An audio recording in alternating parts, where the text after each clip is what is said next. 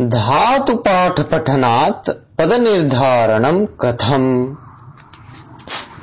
अनुदात्तम् यत आत्मनेपदम्।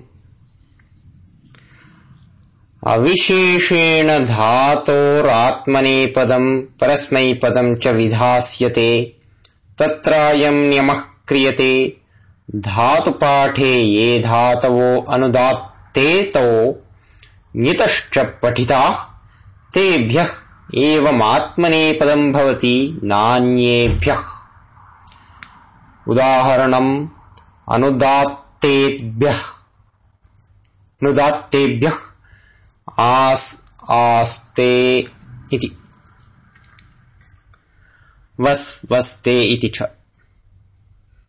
ङिद्भ्यः खल्वपि यथा ष्वुङ् इति सूते इति रूपम् भवति। षिङ् इत्यस्मात् शेते इति रूपम् भवति। भावकर्मणोः इति सूत्रम्।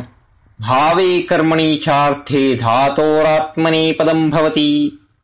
आस्यते देवदत्तेन ग्लायते भवता सुप्यते बालकेन इत्यादि।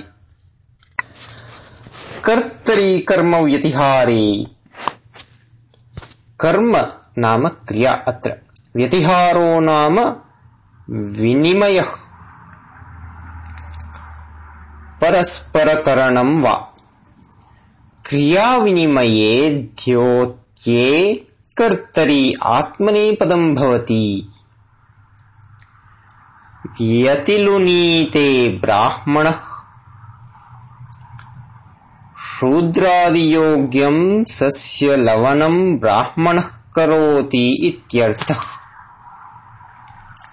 सम्प्रहरन्ते राजानः परस्परम् प्रहरन्ति इत्यर्थः। न गतिहिंसार्थेभ्यः गत्यर्थेभ्यो धातुभ्यः हिंसार्थेभ्यश्च धातुभ्यः।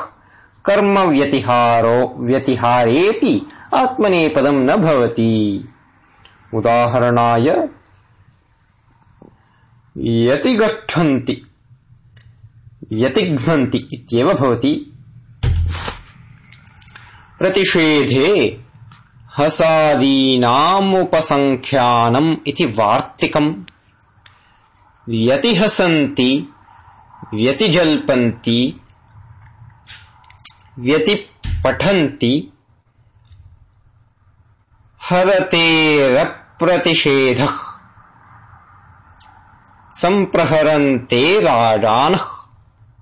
इति एवम् ज्ञेयम्। उदाहरणम्। इतरेतरान्योन्योपपदाट्ठ इति सूत्रम्। इतरेतर अन्योन्य इत्येतयोः योगे धातोः कर्मव्यतिहारे आत्मनेपदम् न भवति। उदाहरणाय इतरेतरस्य व्यतिलुनन्ति अन्योन्यस्य व्यतिलुनन्ति इत्येव भवति। परस्परोपपदाक्षेति वक्तव्यम्। परस्परस्य व्यतिलुप व्यतिलुनन्ति इत्येव भवति। अतः अयम् अतः इदम् वार्तिकम् उक्तम् स्वरितञ्यतः कर्तृभिप्राये क्रियाफले स्वरितेतो ये धातवो ञतश्च तेभ्यः आत्मनेपदम् भवति कर्तरि चेत् क्रियाफलमभिप्रैति। परगामिनी क्रियाफले परस्मैपदमेव भवति कर्तृगामिनी क्रियाफले यजते, पचते इत्यादि। परगामिनी क्रियाफले यजति, पचति इत्यादि। ङितः खल्वपि ष्विङ् इति सुनुते इति भवति। डुक्टृङ् इति कुरुते इति भवति। विभाषोपपदेन प्रतीयमाने। स्वरितज्ञः इतः आरभ्य अनुपसर्गार्झः इत्यन्तैः पञ्चभिः सूत्रैः यदात्मनेपदम् विहितम् तत्समीपोक्षारितेन पदेन क्रियाफलस्य कर्तृगामित्वे द्योतिते वा स्यात् समीपे श्रूयमाणम् पदान्तरमुपपदम् स्वम् यज्ञम् यजति स्वम् यज्ञम् यजते स्वङ्कटम् करोति स्वङ्कटम् कुरुते।